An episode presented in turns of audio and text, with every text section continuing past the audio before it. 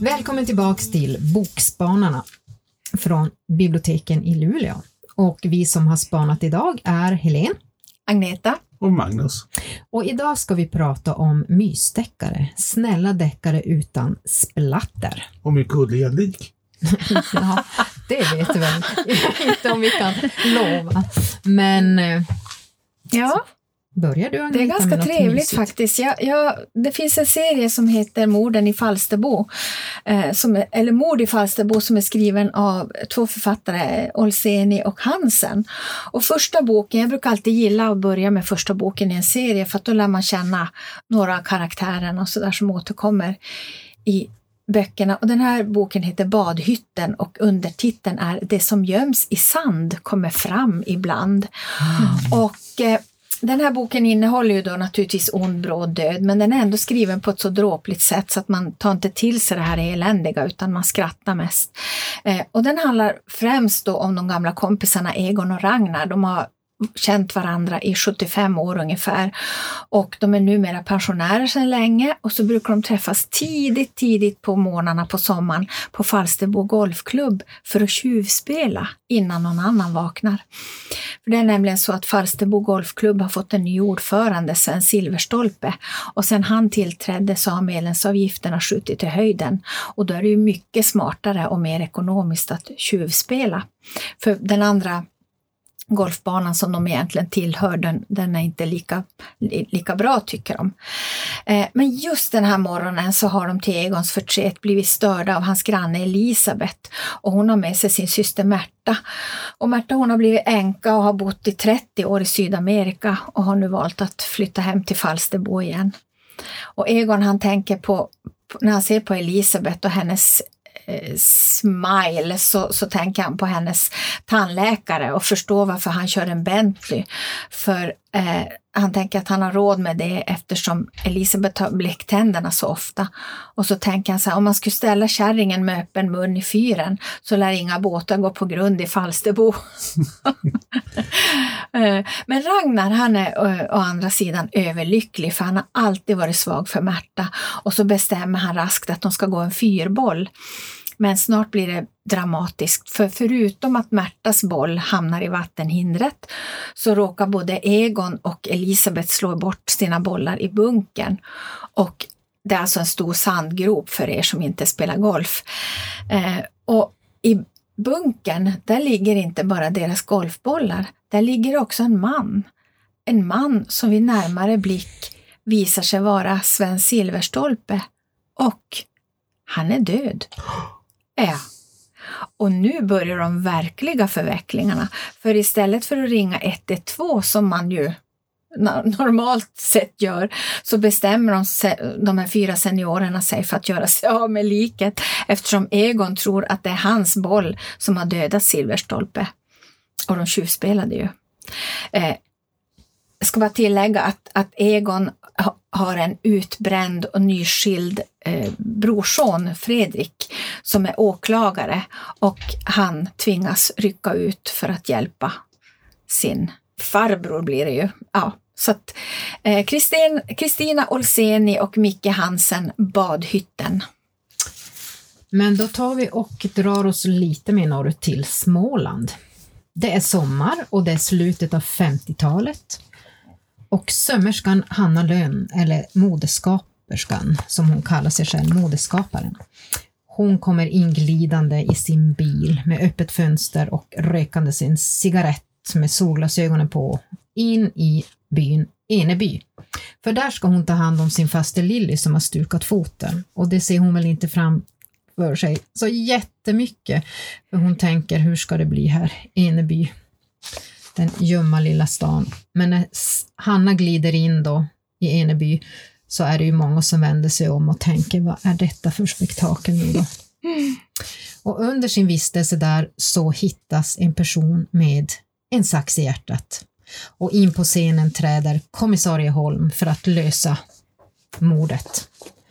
Och Hanna hon är ju väldigt nyfiken och lägger sig i hela tiden. Det här är som en riktig gammal svensk film Mm faktiskt och det är en riktig mysdeckare.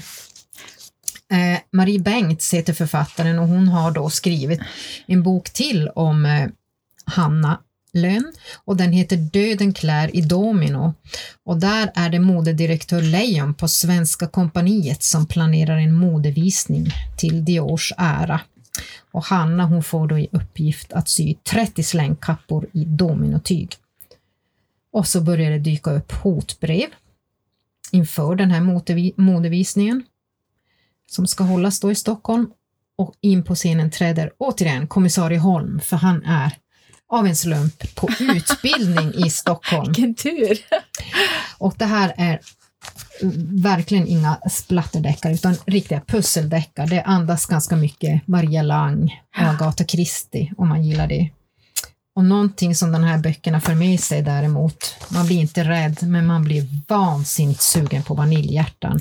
För Okej. Hanna Lönn, hon älskar vaniljhjärtan som kommer från bageriet i Eneby.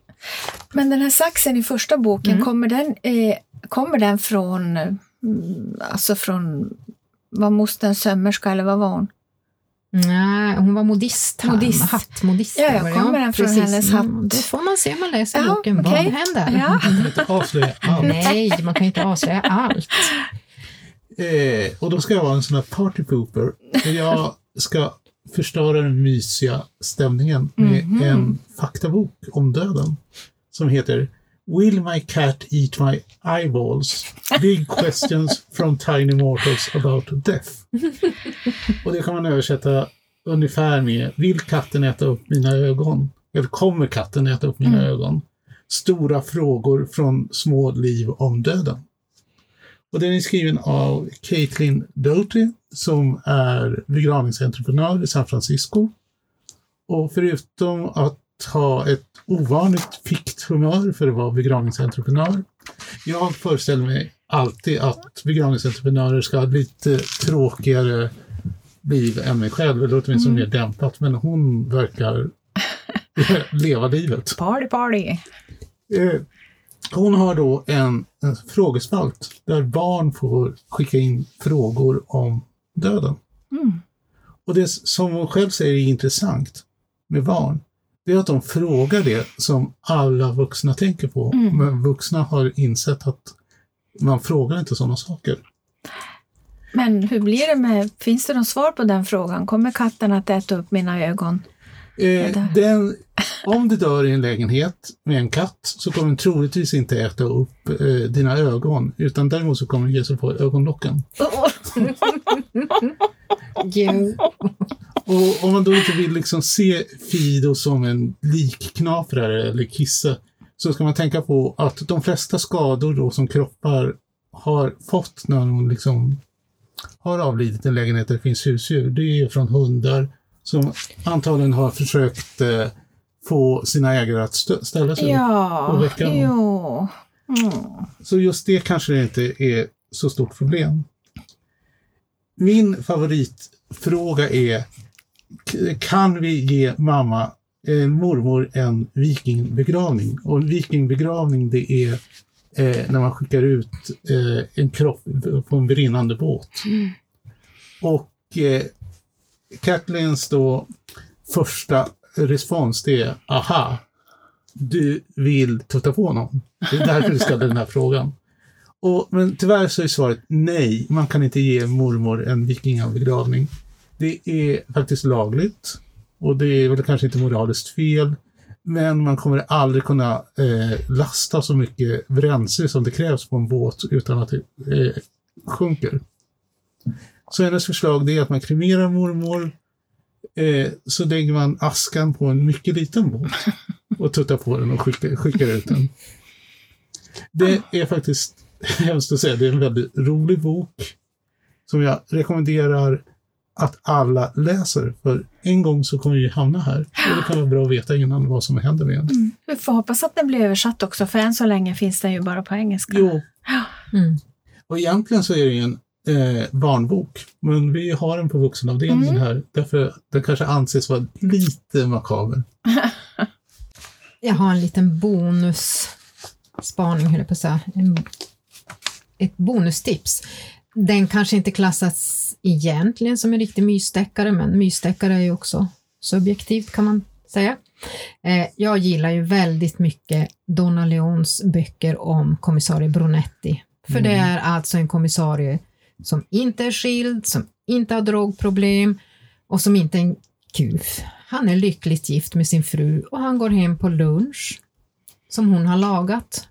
Så att eh, för mig är det mysdeckare också och det är ju då fristående fall i varje bok så att man kan läsa dem lite hur som haver om man vill. Man ska inte glömma bort att den utspelar sig i Venedig också. Mm. Och de bor mm. högst upp i sån där venetianskt palats. Mm.